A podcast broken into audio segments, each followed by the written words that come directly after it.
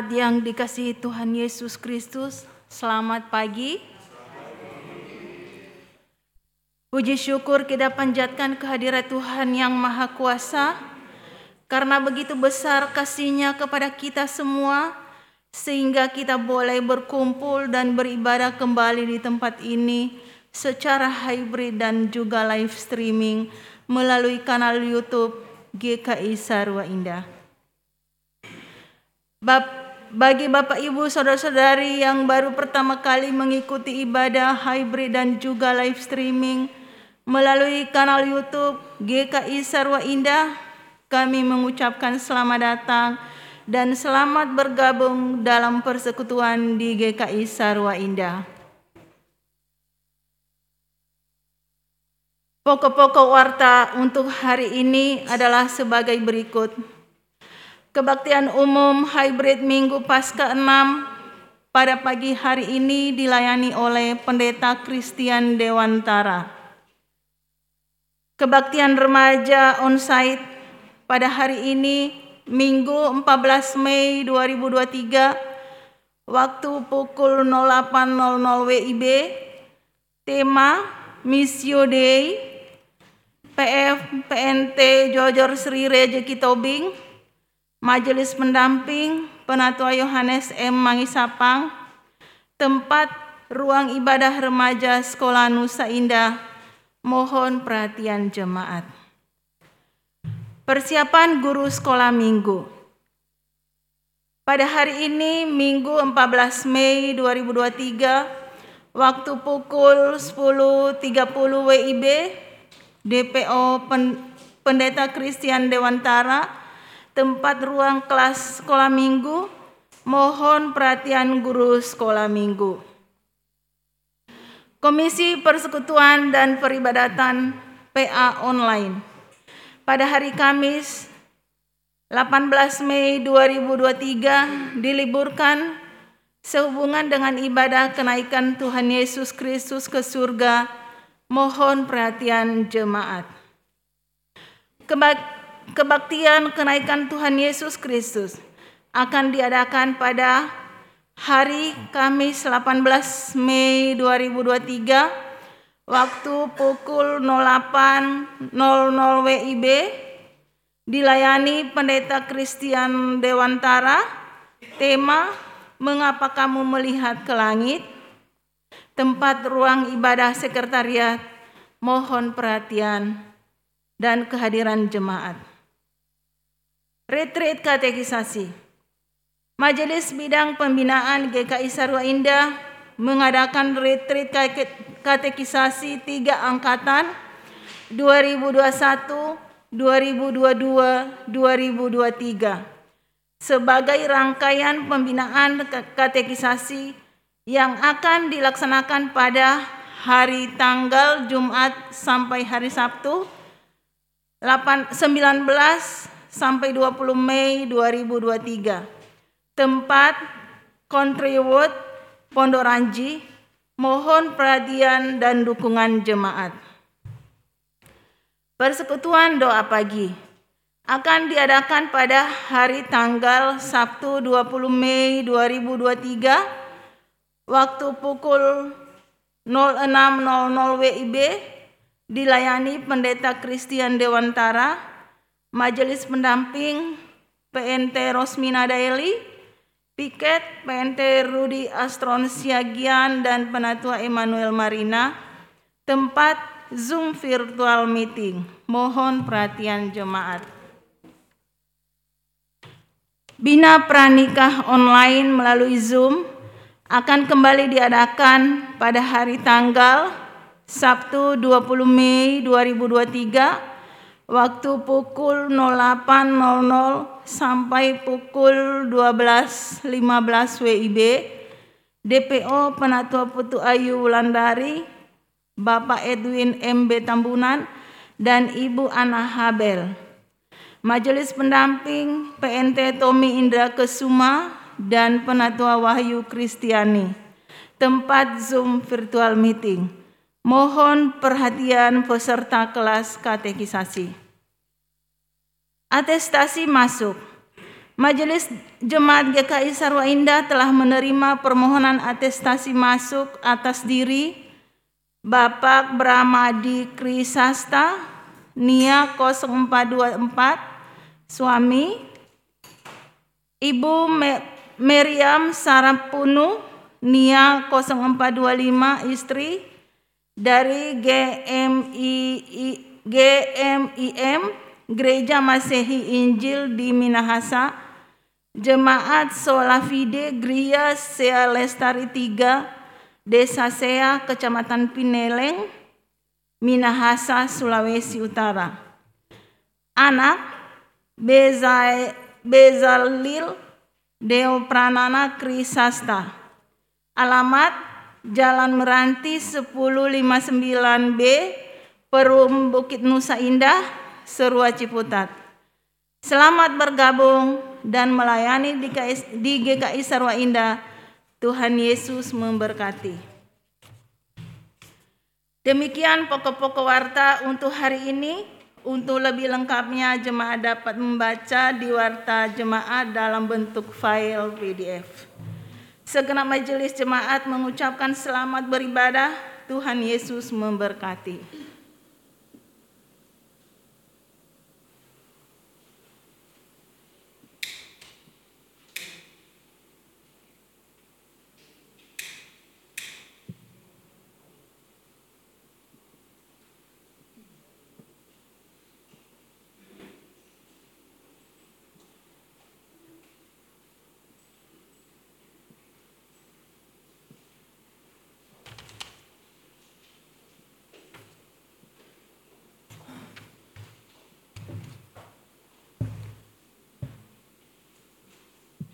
Ajakan beribadah. Dalam ibadah Paskah 6 ini kita akan merenungkan tentang ketaatan yang benar dan memahami bahwa ketaatan adalah tindakan kasih seperti Allah yang terlebih dahulu menyatakan ketaatannya sebagai bukti kasihnya. Biarlah kasih kita kepada Allah teruji dalam kehidupan kita sehari-hari sebagai umatnya yang setia. Saya undang jemaat untuk bangkit berdiri. Kita akan mengangkat pujian dari KJ 14 bait 1 sampai bait 3 muliakan Tuhan Allah.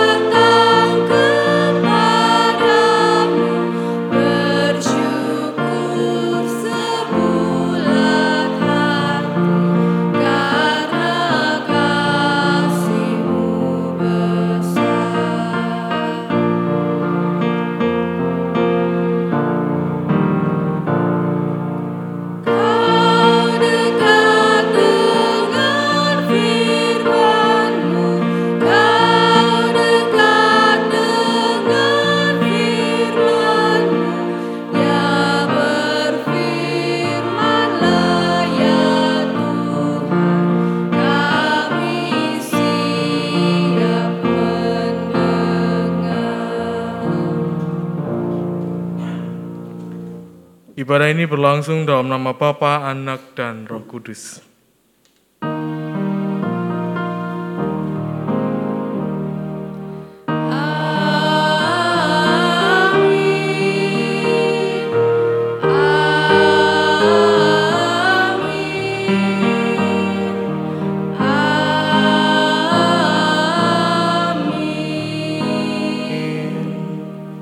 Tuhan beserta saudara dan beserta saudara juga.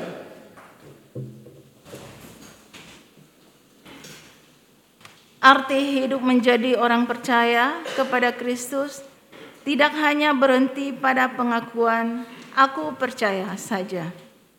Kristus menjelaskan bahwa setiap orang yang percaya kepadanya harus juga menaati dan percaya dengan segala perkataannya demi mempertahankan ketaatan dan kesetiaan umat.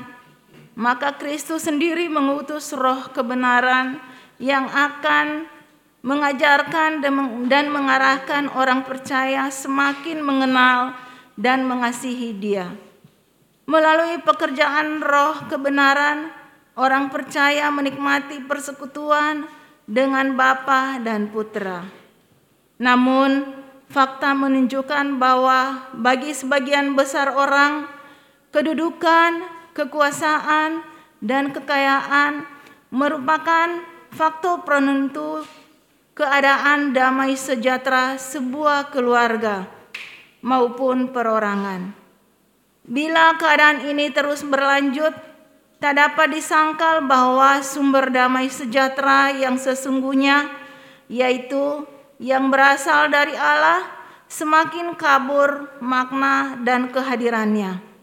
Padahal firman Tuhan mengingatkan bahwa damai sejahtera ini tidak dapat diperoleh di luar Kristus.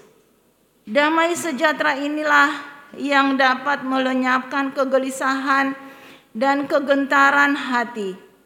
Dan damai sejahtera ini pula yang diharapkan menjadi motor penggerak orang percaya kepada Kristus untuk menyaksikan damai kepada lingkungan sekitarnya. Kita akan merespon uh, nyanyian umat dari NKB 207 Bait satu sampai bait yang ketiga, taat setia bertekad yang bulat.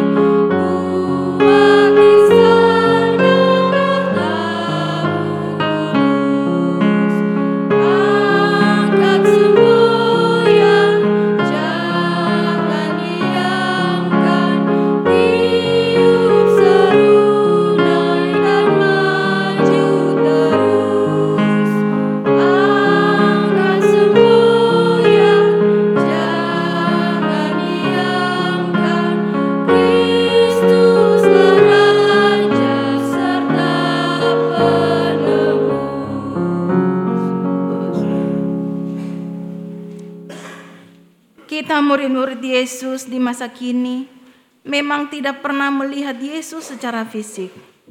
Namun kehadiran Roh Kudus dan damai sejahtera yang melingkupi kita merupakan bukti bahwa suatu saat kelak kita akan bersama-sama Yesus di rumah Bapa.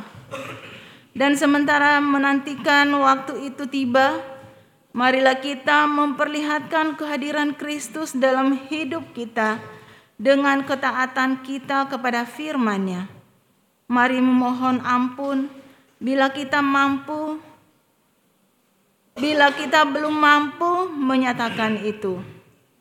Umat berdoa terlebih dahulu secara pribadi, saya akan menutupnya dengan doa pengakuan dosa.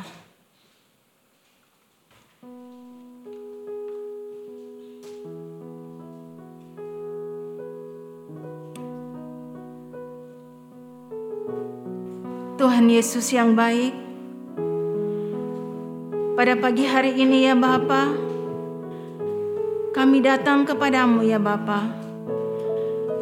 Kami anak-anakmu ya Tuhan, memang tidak melihat Engkau secara fisik ya Bapa. Tapi Engkau telah mengirimkan Roh Kudus untuk menolong kami ya Tuhan. Itulah bukti kehadiranmu dalam kehidupan kami. Bapa yang ada di surga, pada saat ini ya Bapa, kami sering tidak taat kepadamu ya Tuhan. Kami sering mengandalkan kehebatan kami, mengandalkan kekuatan kami ya Bapa. Ya Bapa di surga, tolong kami ya Bapa. Ampuni kami ya Bapa. Ampunilah kesalahan kami ya Tuhan. Biarlah kami Engkau Tuhan pegang ya Bapa sehingga kami menjadi anak-anak yang taat kepadamu. Terima kasih ya Bapa. Ampunilah atas segala kesalahan kami. Hanya di dalam nama anakmu Yesus Kristus kami berdoa. Amin.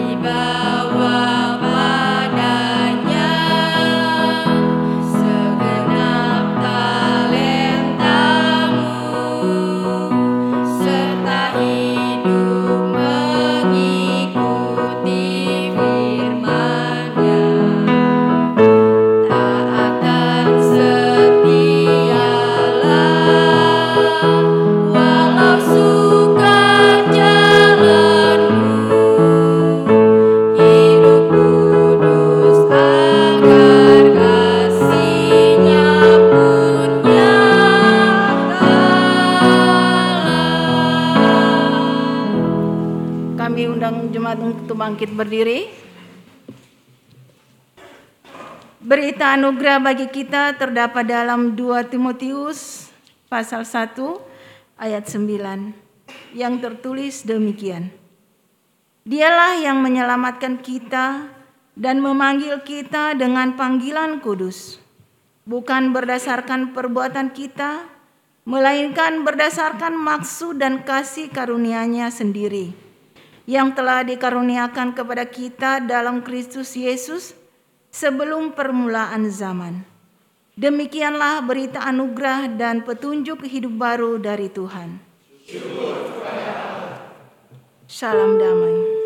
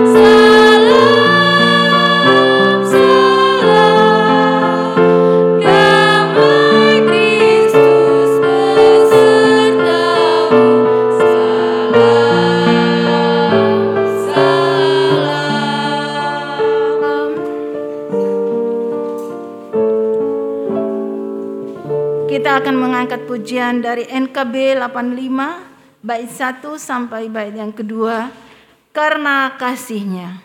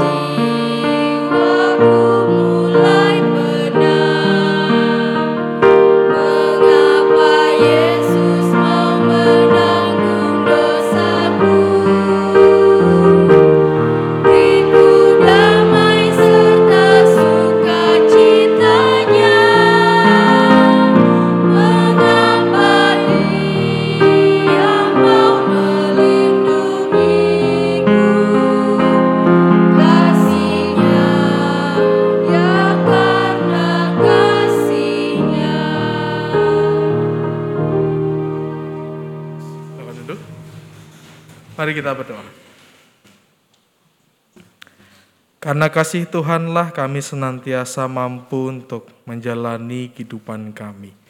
Di tengah ada banyak hal yang membuat kami mungkin letih.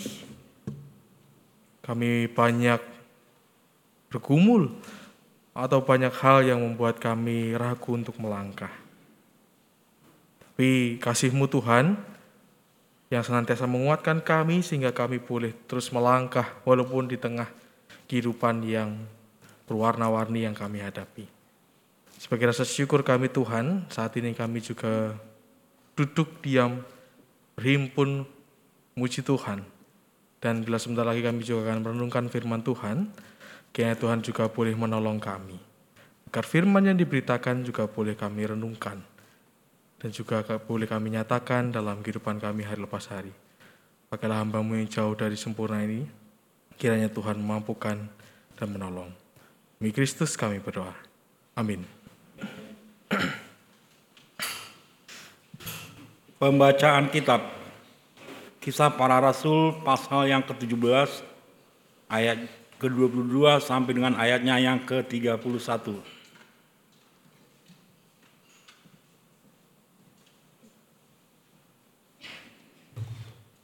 Paulus pergi berdiri di atas Areopagus dan berkata, Hai orang-orang Athena, aku lihat bahwa dalam segala hal kamu sangat beribadah kepada dewa-dewa. Sebab ketika aku berjalan-jalan di kotamu dan melihat-lihat barang-barang pujaanmu, aku menjumpai juga sebuah mesbah dengan tulisan kepada Allah yang tidak dikenal. Apa yang kamu sembah tanpa mengenalnya, itulah yang kuberitakan kepada kamu. Allah yang telah menjadikan bumi dan segala isinya, ia yang adalah Tuhan atas langit dan bumi, tidak diam dalam kuil-kuil buatan tangan manusia, dan juga tidak dilayani oleh tangan manusia, seolah-olah ia kekurangan apa-apa, karena dialah yang memberikan hidup dan nafas dan segala sesuatu kepada semua orang. Dari satu orang saja, ia telah menjadikan semua bangsa dan umat manusia untuk mendiami seluruh muka bumi, dan ia telah menentukan musim-musim bagi mereka dan batas-batas kediaman mereka, supaya mereka mencari Dia dan mudah-mudahan menjamah dan menemukan Dia, walaupun Ia tidak jauh dari kita masing-masing. Sebab di dalam Dia kita hidup, kita bergerak, kita ada, seperti yang telah juga dikatakan oleh pujangga-pujanggamu. Sebab kita ini dari keturunan Allah juga. Karena kita berasal dari keturunan Allah, kita tidak boleh berpikir bahwa keadaan ilahi sama seperti emas atau perak atau batu, ciptaan kesenian dan keahlian manusia.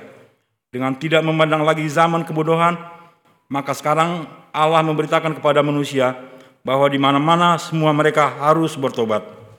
Karena ia telah menetapkan suatu hari, pada waktu mana ia dengan adil akan menghakimi dunia oleh seorang yang telah ditentukannya, sesudah ia memberikan kepada semua orang suatu bukti tentang hal itu dengan membangkitkan dia dari antara orang mati. Demikianlah sabda Tuhan. Pembacaan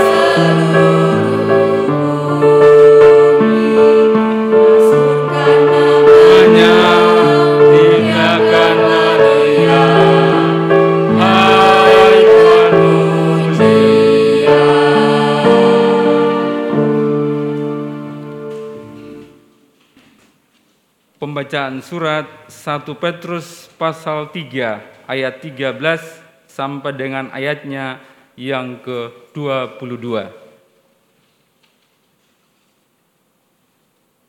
Dan siapakah yang akan berbuat jahat terhadap kamu jika kamu rajin berbuat baik? Tetapi sekalipun kamu harus menderita juga karena kebenaran, kamu akan berbahagia. Sebab itu, janganlah kamu takuti apa yang mereka takuti, dan janganlah gentar. Tetapi kuduskanlah Kristus di dalam hatimu sebagai Tuhan, dan siap sedialah pada segala waktu untuk memberi pertanggungan jawab kepada tiap-tiap orang yang meminta pertanggungan jawab dari kamu tentang pengharapan yang ada padamu, tetapi haruslah dengan lemah lembut dan hormat dan dengan hati nurani yang murni, supaya mereka yang menfitnah kamu karena hidupmu yang saleh dalam Kristus menjadi malu karena fitnahan mereka itu. Sebab lebih baik menderita karena berbuat baik, jika hal itu dikehendaki Allah, daripada menderita karena berbuat jahat. Sebab juga Kristus telah mati sekali untuk segala dosa kita, ia yang benar untuk orang-orang yang tidak benar, supaya ia membawa kita kepada Allah. Ia yang telah dibunuh dalam keadaannya sebagai manusia, tetapi yang telah dibangkitkan menurut roh, dan di dalam roh itu juga ia pergi memberitakan Injil kepada roh-roh yang di dalam penjara, yaitu kepada roh-roh mereka yang dahulu pada waktu Nuh tidak taat kepada Allah, ketika Allah tetap menanti dengan sabar. Waktu Nuh sedang mempersiapkan bahteranya, di mana hanya sedikit, yaitu delapan orang yang diselamatkan oleh air bah itu. Juga kamu sekarang diselamatkan oleh kiasannya, yaitu baptisan. Maksudnya bukan untuk membersihkan kenajisan jasmani, melainkan untuk memohonkan hati nurani yang baik kepada Allah oleh kebangkitan Yesus Kristus yang duduk di sebelah kanan Allah setelah ia naik ke sorga sesudah segala malaikat, kuasa, dan kekuatan ditaklukkan kepadanya. Demikianlah sabda Tuhan. Bacaan Injil diambil dari Injil Yohanes pasal 14. Kita akan baca ayat 15 sampai 21. Injil Yohanes pasal 14 ayat 15 sampai 21 demikianlah firman Tuhan. Jikalau kamu mengasihi aku, kamu akan menuruti segala perintahku. Aku akan minta kepada Bapa dan ia akan memberikan kepadamu seorang penolong yang lain, supaya ia menyertai kamu selama-lamanya, yaitu roh kebenaran. Dunia tidak dapat menerima dia, sebab dunia tidak melihat dia dan tidak mengenal dia. Tetapi kamu mengenal dia, sebab ia menyertai kamu dan akan diam di dalam kamu. Aku tidak akan meninggalkan kamu sebagai yatim piatu. Aku datang kembali kepadamu. Tinggal saat lagi dan dunia tidak akan melihat aku lagi. Tetapi kamu melihat aku, sebab aku hidup dan kamu pun akan hidup. Pada waktu itulah kamu akan tahu bahwa aku di dalam Bapakku dan kamu di dalam aku dan aku di dalam kamu. Barang siapa memegang perintahku dan melakukannya, dialah yang mengasihi aku.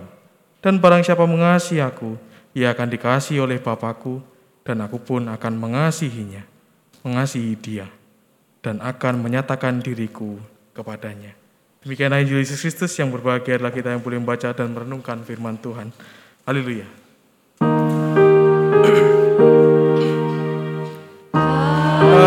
Haleluya.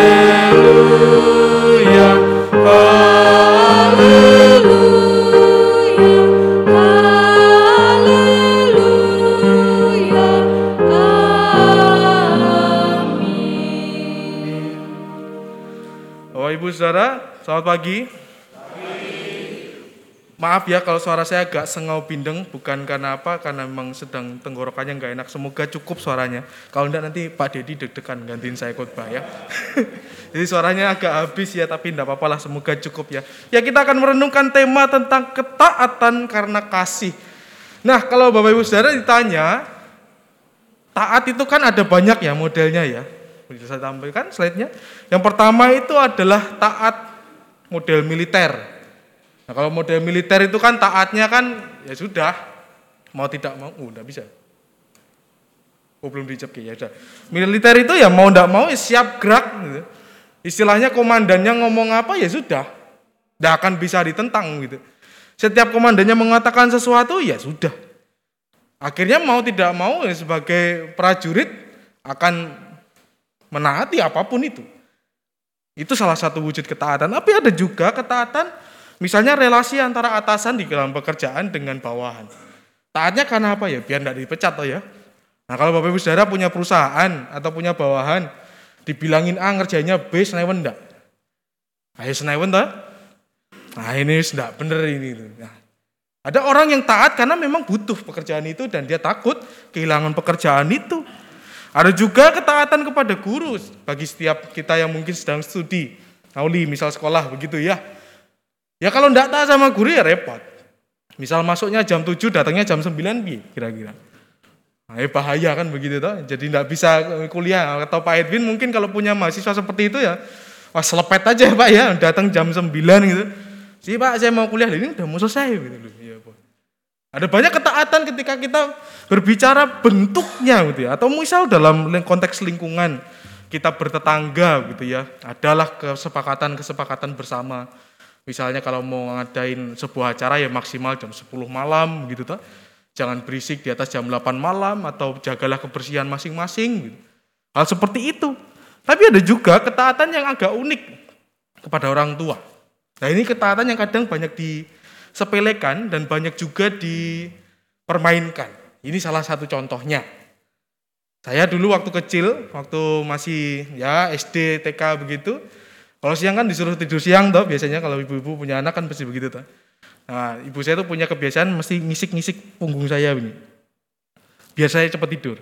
Nah, karena ibu saya jualan lebih capek, duluan tidurnya dia. Saya tidak tidur. Jadi ketika ibu saya tidur, saya mundur pelan-pelan berlari hilang udah.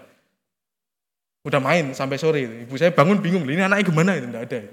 Nah, seperti itu. Kadang ketaatan-ketaatan seperti itu muncul karena apa? Pamrih. Kita tahu betul. Banyak ketaatan di dalam dunia ini karena pamrih, ada kepentingan-kepentingan yang kita upayakan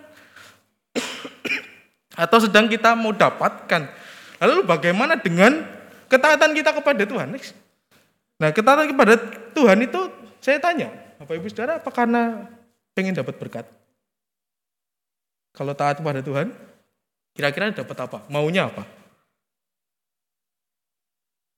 Dapat berkat atau ucapan syukur. Ini beda loh, Bapak Ibu. Kita taat kepada Tuhan itu karena apa? Karena mau dapat berkat atau karena mau mengucap syukur. Bisa tampilkan slide-nya? Ya, sering kali kita pun juga memiliki ketaatan kepada Tuhan itu memakai standar-standar yang ada di dalam dunia. Kita takut karena sesuatu taat karena nanti dihukum gitu ya. Apalagi ada lagu sekolah minggu, mata Tuhan melihat gitu. Apa yang kita perbuat gitu. Seakan-akan tuh Tuhan tuh melilik terus ya. Ayo, ini ngapain? Ini ngapain? Ini. Jadi seakan-akan relasi kita dengan Tuhan itu bukan karena mengasihi Allah, tapi karena apa? Takut. Takut tidak diberkati. Takut nanti dihukum. Takut nanti apa namanya uh, membuat kesalahan lalu memalukan Tuhan gitu. Padahal Tuhan menunjukkan teladan yang begitu luar biasa. Selain peristiwa salib yaitu apa? Pembasuhan kaki, Bapak Saudara. Tuhan menunjukkan bahwa mengasihi itu butuh tindakan nyata dan bukan karena sebuah ketakutan. Nah, dalam bacaan kita hari ini sebenarnya ini kan bagian ketika peristiwa sebelum peristiwa salib begitu ya. Tidak bisa. Nah, dalam peristiwa salib itu kan Tuhan juga mempersiapkan para muridnya gitu ya. Tuhan ingin para murid ini hidup mandiri. Nah, persoalannya hidup mandiri itu kan ya begitu, tidak ada kontrol tuh. Hidup mandiri kalau Bapak Ibu Saudara yang dulu pernah kuliah lalu ngekos, wah setelah di rumah dimarah-marahin orang tua, aku bebas. gitu. Bisa pulang malam, bisa makan seenaknya gitu. Bisa ngikuti apa pun gitu. Misal ini lagi booming konser Coldplay gitu ya. Wah itu bisa nonton konser dulu sama mamaku nggak boleh jam 8 harus pulang. Nah hidup mandiri itu Bapak Ibu Saudara sering kali berbicara tentang kesempatan yang lebih terbuka, tetapi kita juga diajak untuk mau tetap taat. Nah persoalannya apakah kita siap untuk itu? Apakah kita siap untuk itu? Lalu bagaimana? Ini enggak bisa ya? Loh? Oh ya. Jadi ketika kita diajak untuk Tuhan mengatakan Tuhan menjanjikan penghibur. Lalu bagaimana kita menggumulkan ketika Tuhan juga mengatakan nanti tak tinggal. Tuhan pamit kembali lagi ke sorga. Lalu bagaimana para murid dalam konteks bacaan kita itu akan hidup? Apakah kemandirian itu akan membuat mereka tetap taat kepada Tuhan? Karena selama mereka hidup pun, mereka ketika bersama dengan Tuhan, mereka juga hidupnya dalam kebenaran begitu ya. Nah inilah yang menjadi sebuah hal yang Tuhan ingin katakan, tetapi di dalam, oh sorry, sorry, maaf. Ya, di dalam ayat 26 ada dikatakan ini. Tetapi penghibur yaitu Roh Kudus yang akan diutus oleh Bapa dalam namaku, dialah yang akan mengajarkan segala sesuatu kepadamu dan akan mengingatkan kamu akan semua yang telah kukatakan kepadamu. Jadi kalau kita menggumulkan hidup kita sekarang ini kan tidak ada Tuhan Yesus toh yang kita bisa lihat langsung. Kita ini kan sudah ya kayak para murid ini diberikan kebebasan hidup di dalam dunia, hidup di dalam segala sesuatu yang bisa kita putuskan sendiri. Apakah kita tetap mau tunduk kepada Tuhan? Nah, kita mau melihat next apa sih bahasa yang dipakai gitu ya. Kalau kita uh, di dalam ayat 1 barang siapa megang perintahku dan melakukannya dialah yang mengasihi aku dan barang siapa mengasihi aku ia akan dikasihi oleh Bapakku dan aku pun akan mengasihi dia dan akan menyatakan diriku kepadanya. Atau di dalam ayat 15, jikalau kamu mengasihi aku, kamu akan menuruti segala perintahku. Kata kasih ini muncul dua kali terkaitan dengan relasi memegang perintah Tuhan, hidup di dalam Allah. Nah, kasih yang dipakai next bacaannya itu ini, pakai bahasa agapate, Bapak Ibu Saudara. Nah, bahasa ini, kata ini, agapate ini dari kata dasarnya agape. Nah, kita tahu toh ya, bentuk-bentuk kasih itu ada eros, ada storge, ada filia, ada agape. Saya tidak sedang mengkategorikan mana yang lebih tinggi, mana lebih rendah. Tidak, tetapi semua kasih itu punya konteks masing-masing. Eros itu kan ketertarikan kepada lawan jenis gitu ya. Ketertarikan secara seksual bisa digambarkan seperti itu. Filia adalah kasih kepada sahabat-sahabat kita. Kasih sebuah kasih persahabatan. Dan storgi itu kasih kepada keluarga. Bisa orang tua ke anak, ke pasangan, ke saudara kandung dan sebagainya. Nah, kasih agape ini kasih yang mencakup lebih luas, relasinya juga sama intimnya, tapi lebih dalam lagi karena mengatakan apa? Mengasihinya tanpa pamrih. Jadi ketika kita diajak Tuhan di ayat 15, jikalau kamu mengasihi aku, kamu akan menuruti segala perintahku. Dan di ayat 21, barang siapa memegang perintahku dan melakukannya, dialah yang mengasihi aku. Jadi mengasihi Tuhan itu Bapak Ibu Saudara bukan karena kita mengharapkan sesuatu. Tuhan menghendaki kasih kita kepadanya itu bukan sekedar kasih yang filia misalnya. Ya Tuhan kan sahabatku, kan ada lagu kan. Tuhan Yesus sahabatku, ya, tercinta dan saya maaf saya lupa. Jadi Seperti itu yang dikatakan Tuhan. Bukan sebuah kasih yang seperti orang tua dan anak juga enggak. Tetapi sebuah kasih yang tanpa pamrih. Yang itu artinya apa? Walaupun kita tidak diberkati dalam tanda kutip karena kita tidak pernah tidak mendapatkan berkat ataupun ketika kita diberkati begitu banyak kasih kita tetap sama. Tidak berubah. Kasih kita tetap kadarnya sama persis. Walaupun sedang bersuka cita ataupun ketika sedang dalam pergumulan.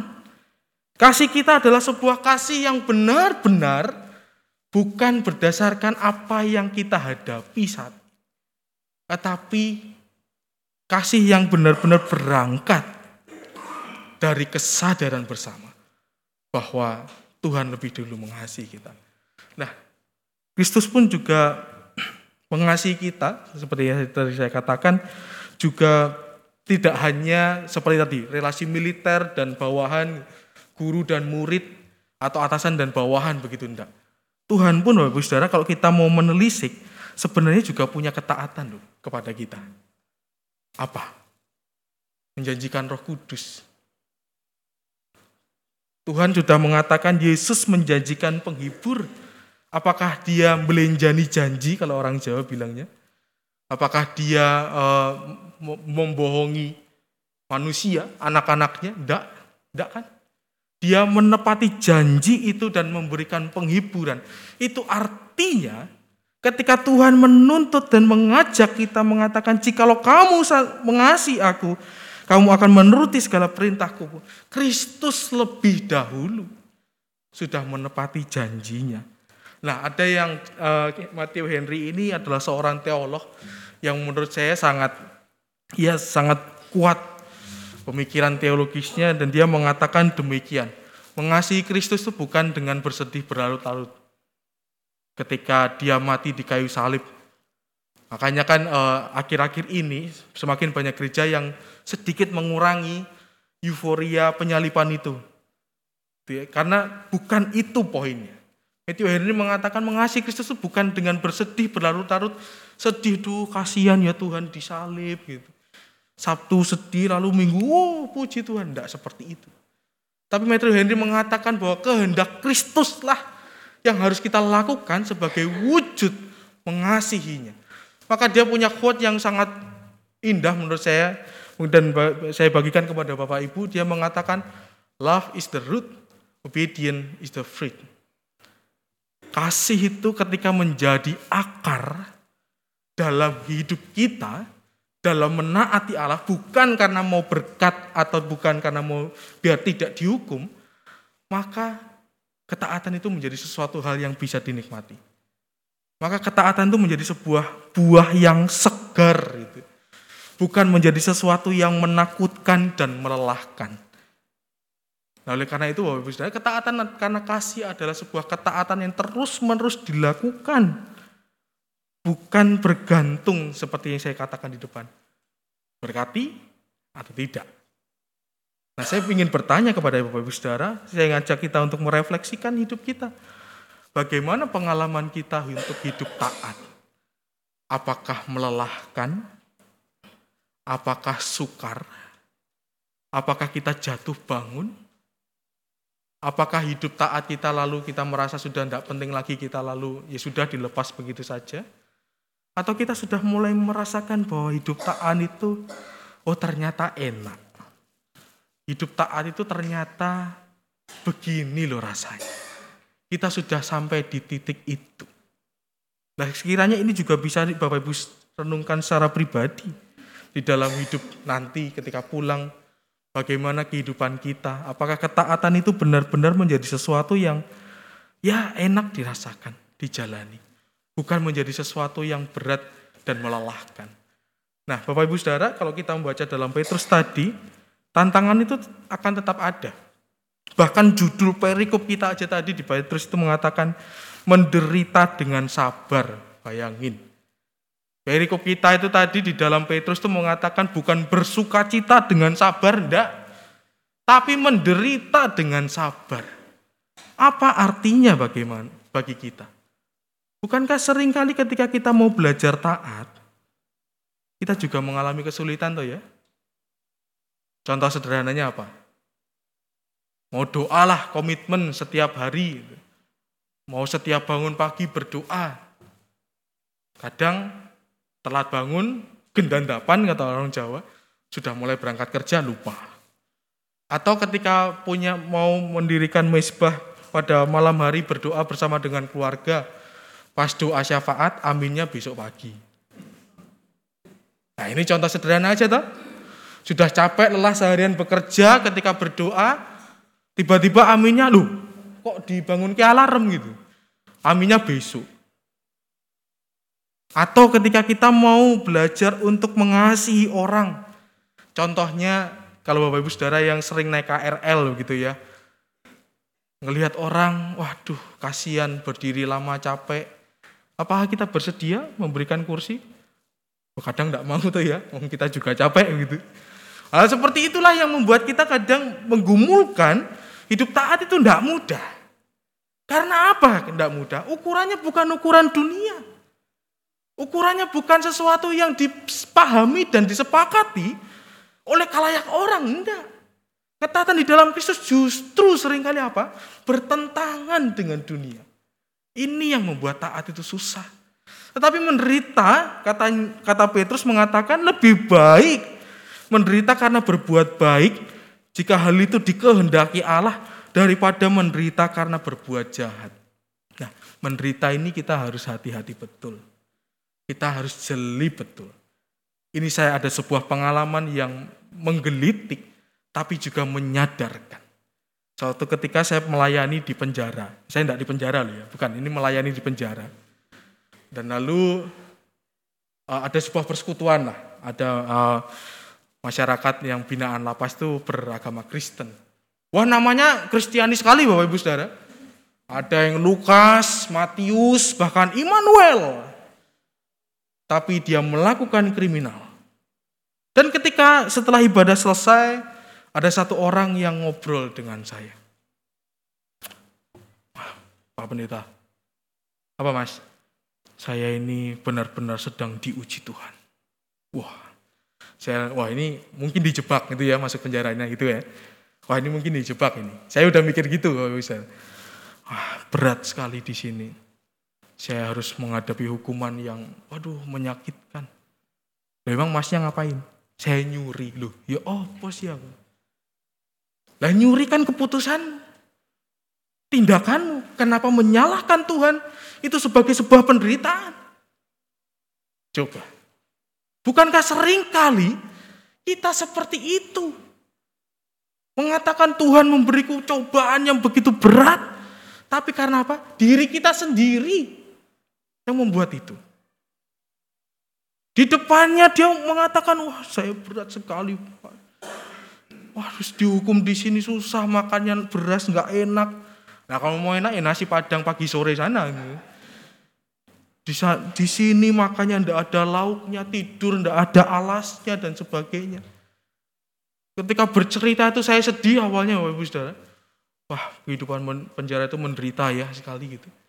Tapi terus ketika saya tanya, Loh, mas ngapain masuk ke sini? Saya nyuri. Lah nyuri buat apa? Bingung dia jawabnya.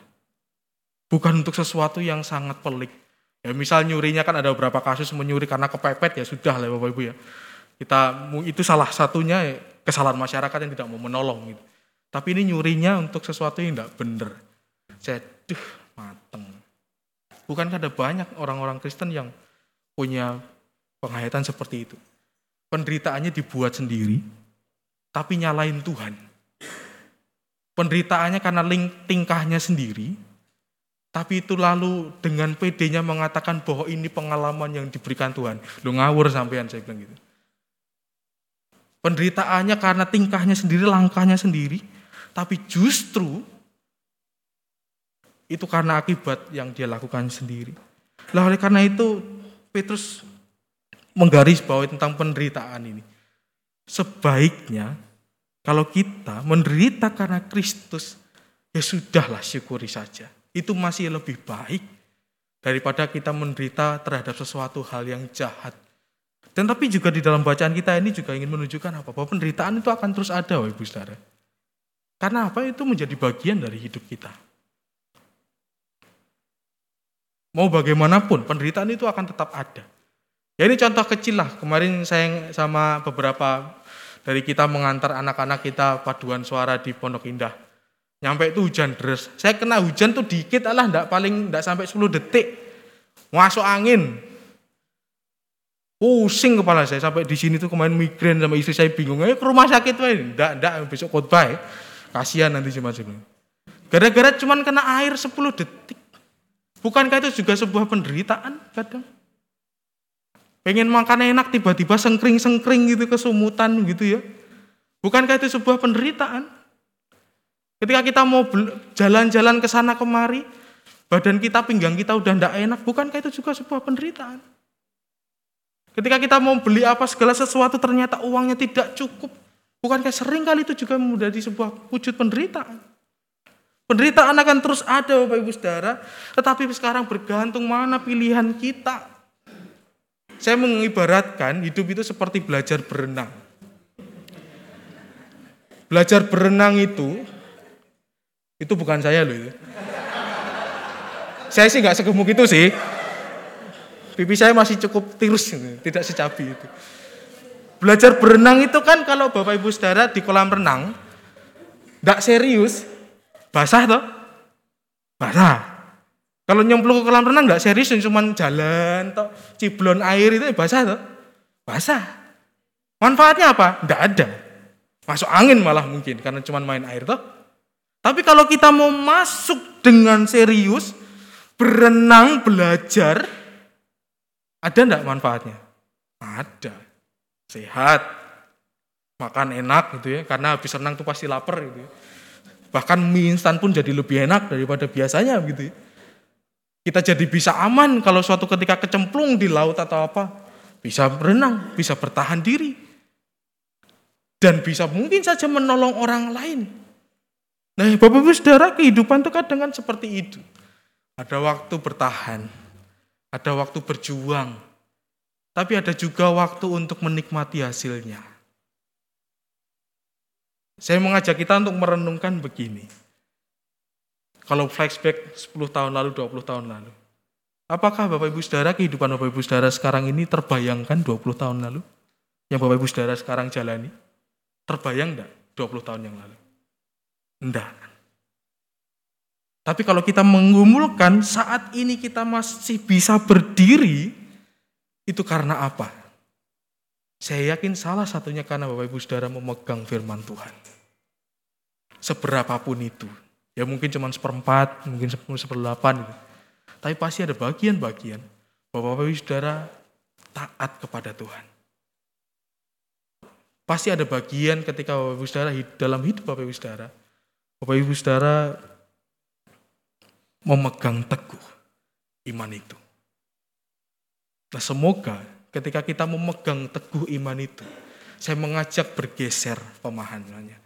Kalau mungkin dulu kita berpikir, ah aku taat biar diberkati. Aku taat biar aku tidak dihukum. Tetapi mari kita melihat bahwa ketaatan itu seharusnya berangkat karena kita mengasihi Allah. Bukan karena takut tidak diberkati.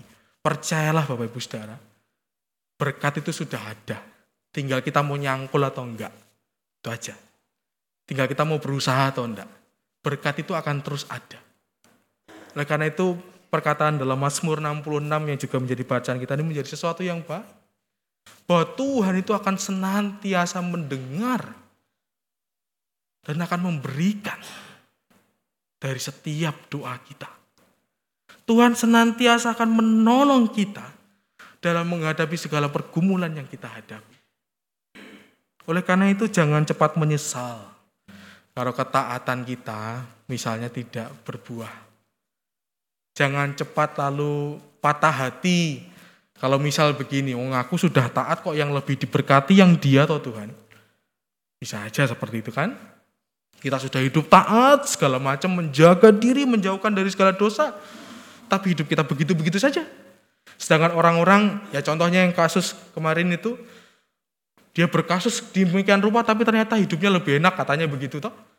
Nah, belum tentu lah sekarang itu ya bingung juga ketika berurusan dengan hukum. Kita tidak perlu lagi membandingkan diri kita dengan orang lain. Kita tidak lagi perlu untuk melihat orang lain lebih beruntung daripada kita. Tidak. Itu tidak perlu. Karena semuanya itu punya proses masing-masing Bapak Ibu Saudara. Ketaatan kita, cara kita untuk hidup taat itu akan tetap berbeda. Bahkan Bapak Ibu Saudara dengan pasangan Bapak Ibu Saudara aja. Pasti caranya beda masing-masing. Jalan ketaatannya itu punya cara yang berbeda. Oleh karena itu kerjakan itu dengan tulus, dengan sukacita tanpa pamrih apa pun. Karena bukan hasil yang kita kejar, tapi hanya perkenanan Tuhan yang kita kejar. Bukan hasil yang menggembirakan yang kita kejar, tapi ketaatan kita hanya untuk kemuliaan Tuhan. Dan ketika kita fokus pada itu, percayalah bahwa berkat itu tidak akan mampet. Berkat itu tidak akan kurang. Karena apa? Kita sudah merasa cukup dengan mengasihi Tuhan kita sudah merasa cukup dengan segala sesuatu yang kita punya. Sehingga berapapun yang kita terima itu akan menjadi sebuah berkat yang bisa disyukuri. Karena itu marilah tetap percaya bahwa Roh Kudus akan tetap memimpin kita. Walaupun kita akan baru memperingati dua minggu lagi. Gitu. Roh Kudus akan tetap menolong kita untuk hidup dalam ketaatan. Tuhan berkati. Saat ini untuk kita semua.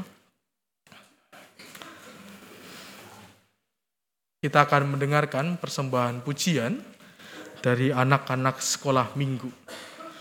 Kalau kemarin saya ngelihat videonya, wah ini keren jarang nyanyi kayak begini nanti Bapak Ibu Saudara bisa lihat sendiri ya. Mari silakan masuk. Wih, senyum dong. Iya. Mau nyanyi harus senyum ya. Oh.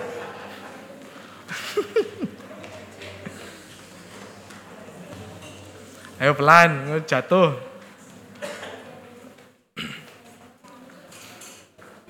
Ingat antrinya? Urutannya ingat? Agak geser, agak geser. Ayo, agak geser sini. Kanan, ke kanan, ke kanan. Nah,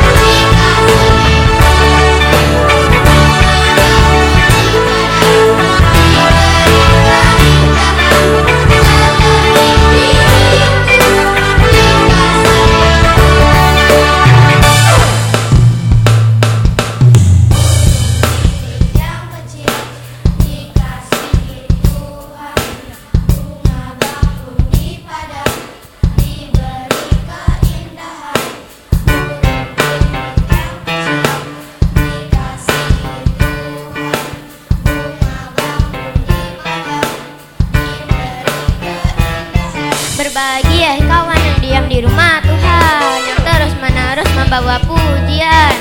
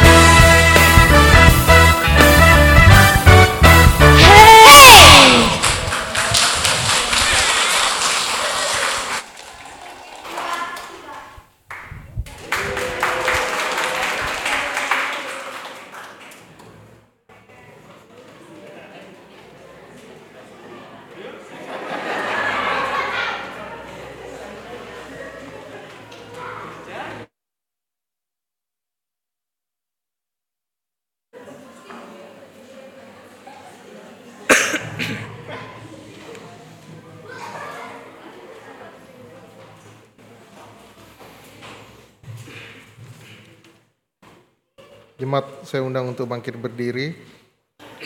Marilah kita bersama dengan umat Allah di masa lalu, masa kini, dan masa depan mengingat pengakuan pada baptisan kita menurut pengakuan iman rasuli.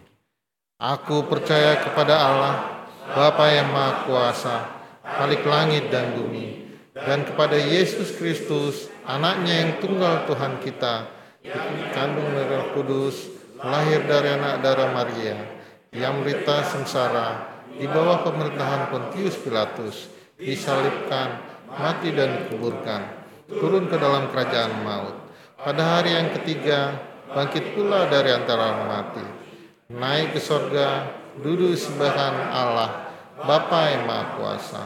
Dan dari sana ia akan datang untuk menghakimi orang yang hidup dan yang mati.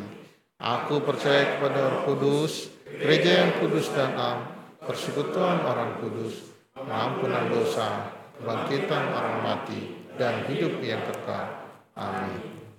Silakan duduk kembali.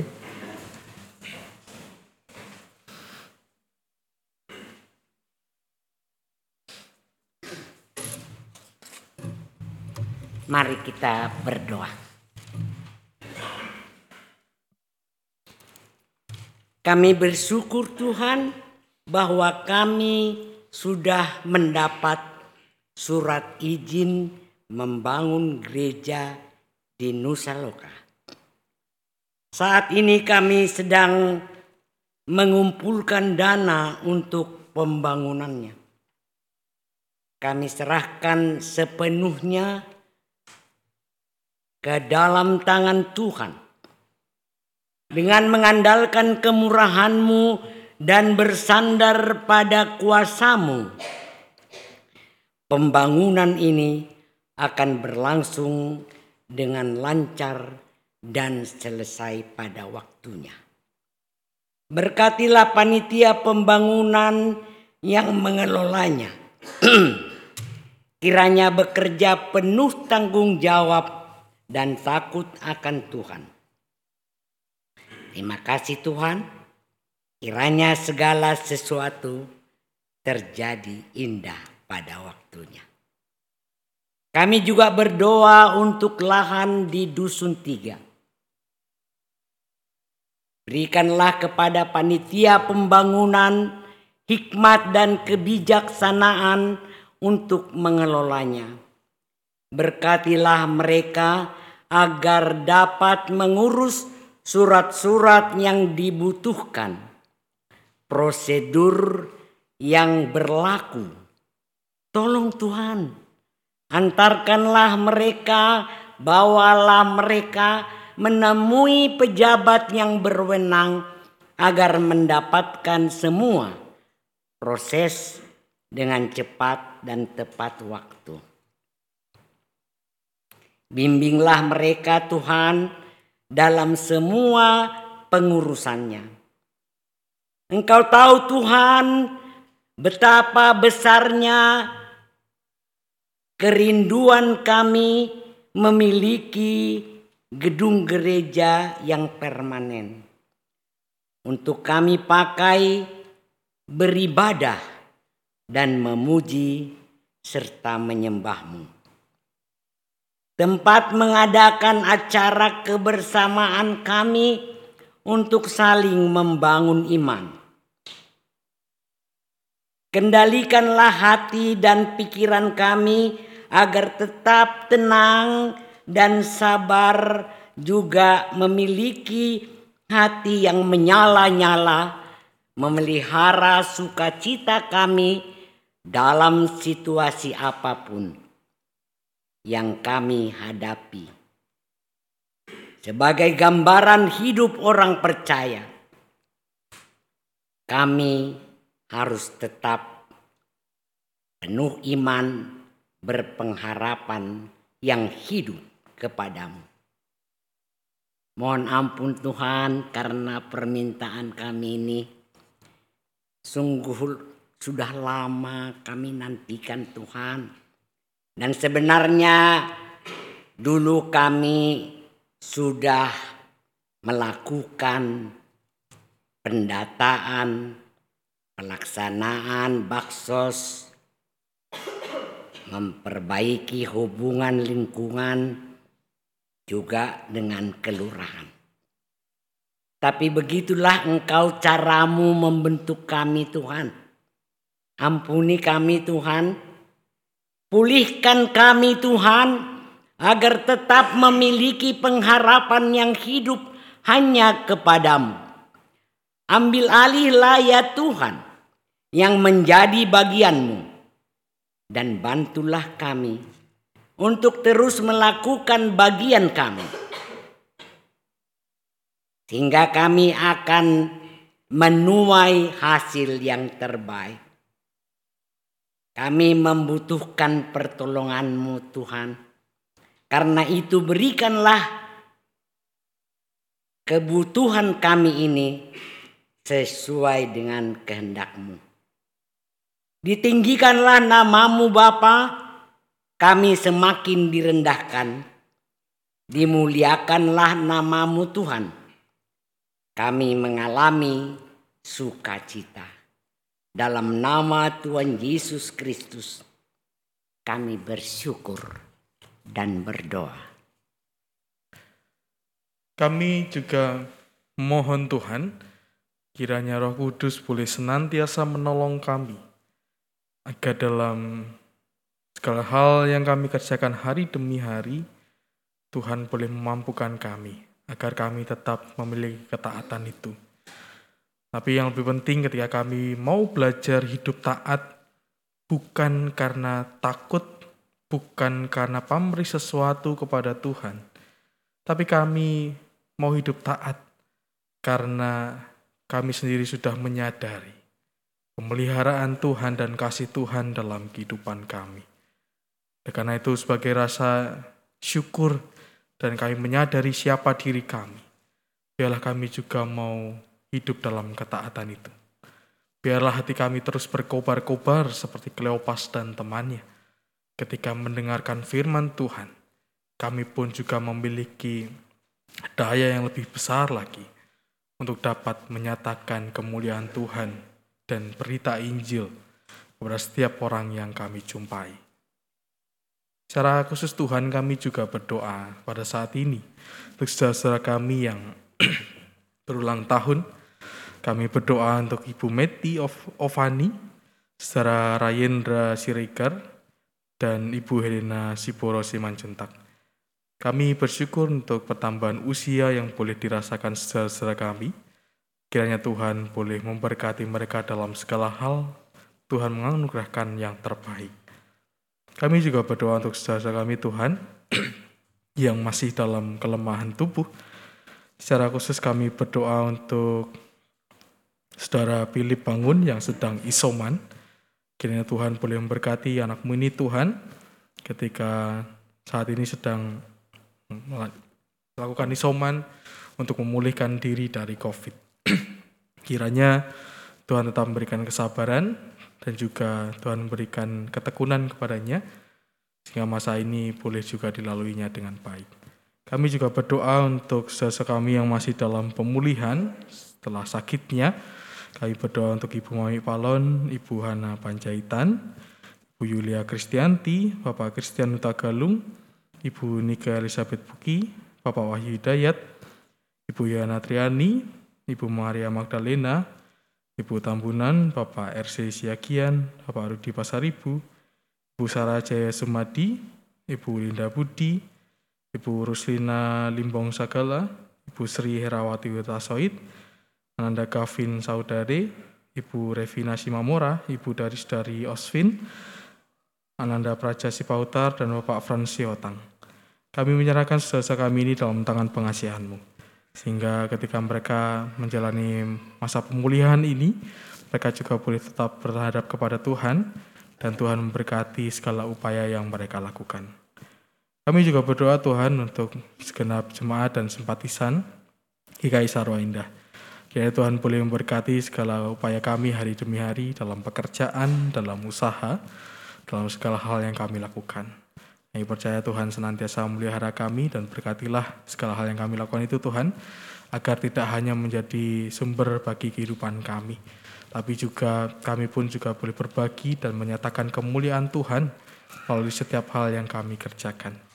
Kami juga berdoa untuk kehidupan bergereja kami. Jika kami banyak mengalami pergumulan, ada hal-hal yang kami harus putuskan bersama sebagai sebuah jemaat, dan ada hal-hal yang kami rencanakan untuk tahun-tahun ke depan. Kiranya Tuhan boleh memberikan kesatuan hati kepada kami. Di tengah ada banyak hal yang beragam yang kami miliki. Karena kami percaya karena roh kudus melampaui itu semua. Di dalam roh kudus kepala bagian itu boleh tetap kami rasakan sebagai sebuah kesatuan untuk memuliakan Tuhan. Kami juga berdoa untuk negara kami, negara Indonesia Tuhan yang kami cintai ini, yang sudah memulai masa-masa pemilu terkait dengan pendaftaran calon legislatif dan ada beberapa tokoh yang kami lihat sedang memperkenalkan diri untuk menjadi para pemimpin kami. Karena Tuhan boleh membuka seluas-luasnya siapa orang-orang yang akan mencalonkan diri sebagai para pemimpin kami agar kami dapat melihat dan menimbang siapa yang seharusnya kami pilih untuk kebaikan negara kami, untuk kebaikan masyarakat dan juga untuk kehidupan berbangsa dan negara lebih baik lagi. Ajalah kami untuk juga menjadi warga negara yang baik dan juga memberikan kontribusi setidaknya di dalam lingkungan sekitar kami Tuhan. Ajalah kami juga untuk memuliakan Tuhan dalam segala sesuatu yang kami kerjakan bersama masyarakat. Inilah seluruh syukur dan permohonan kami. Dalam nama Tuhan Yesus Kristus kami berdoa demikian.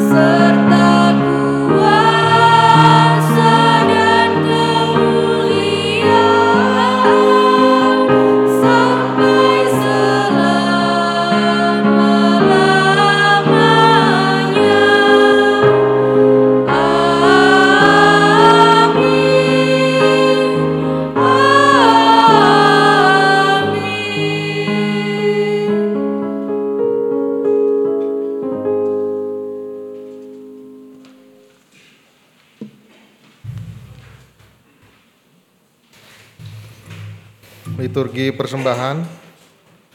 Bersyukurlah sebab pemeliharaannya, bersyukurlah karena kasihnya memampukan kita untuk hidup taat. Mari mengumpulkan persembahan seraya mengingat akan firman-Nya yang terdapat dalam 2 Korintus 9 ayat 8. Dan Allah sanggup melimpahkan segala kasih karunia kepada kamu, supaya kamu senantiasa berkecukupan di dalam segala sesuatu, dan malah berkelebihan di dalam pelbagai kebajikan. Mari kita mengumpulkan persembahan seraya menyanyikan Kidung Jemaat 292 bait 1 sampai 3 tabuh gendang.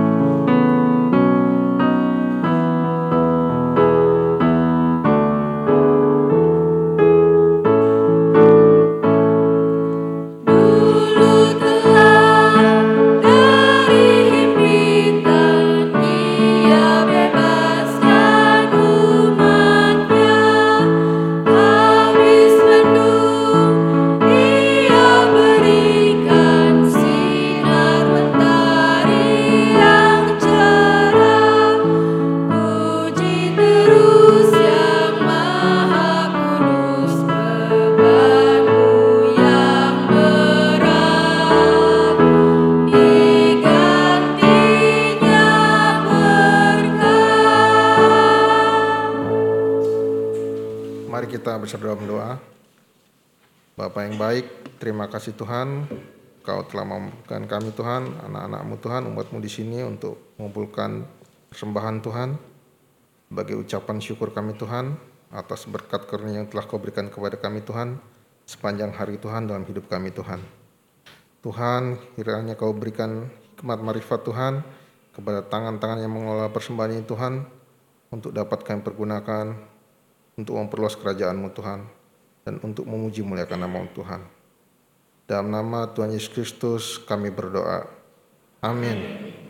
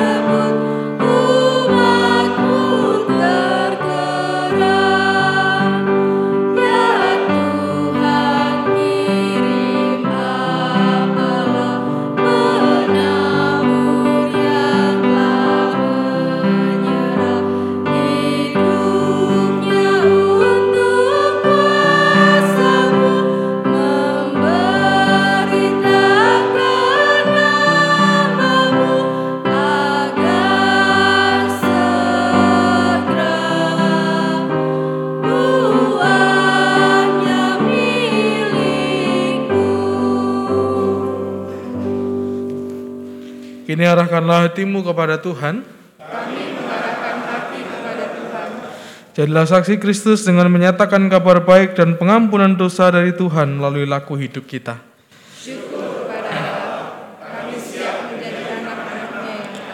Terpujilah Tuhan. Dan terimalah berkat dari Tuhan. Tuhan memberkati engkau dan melindungi engkau. Tuhan menyinari engkau dengan wajahnya dan beri engkau kasih karunia.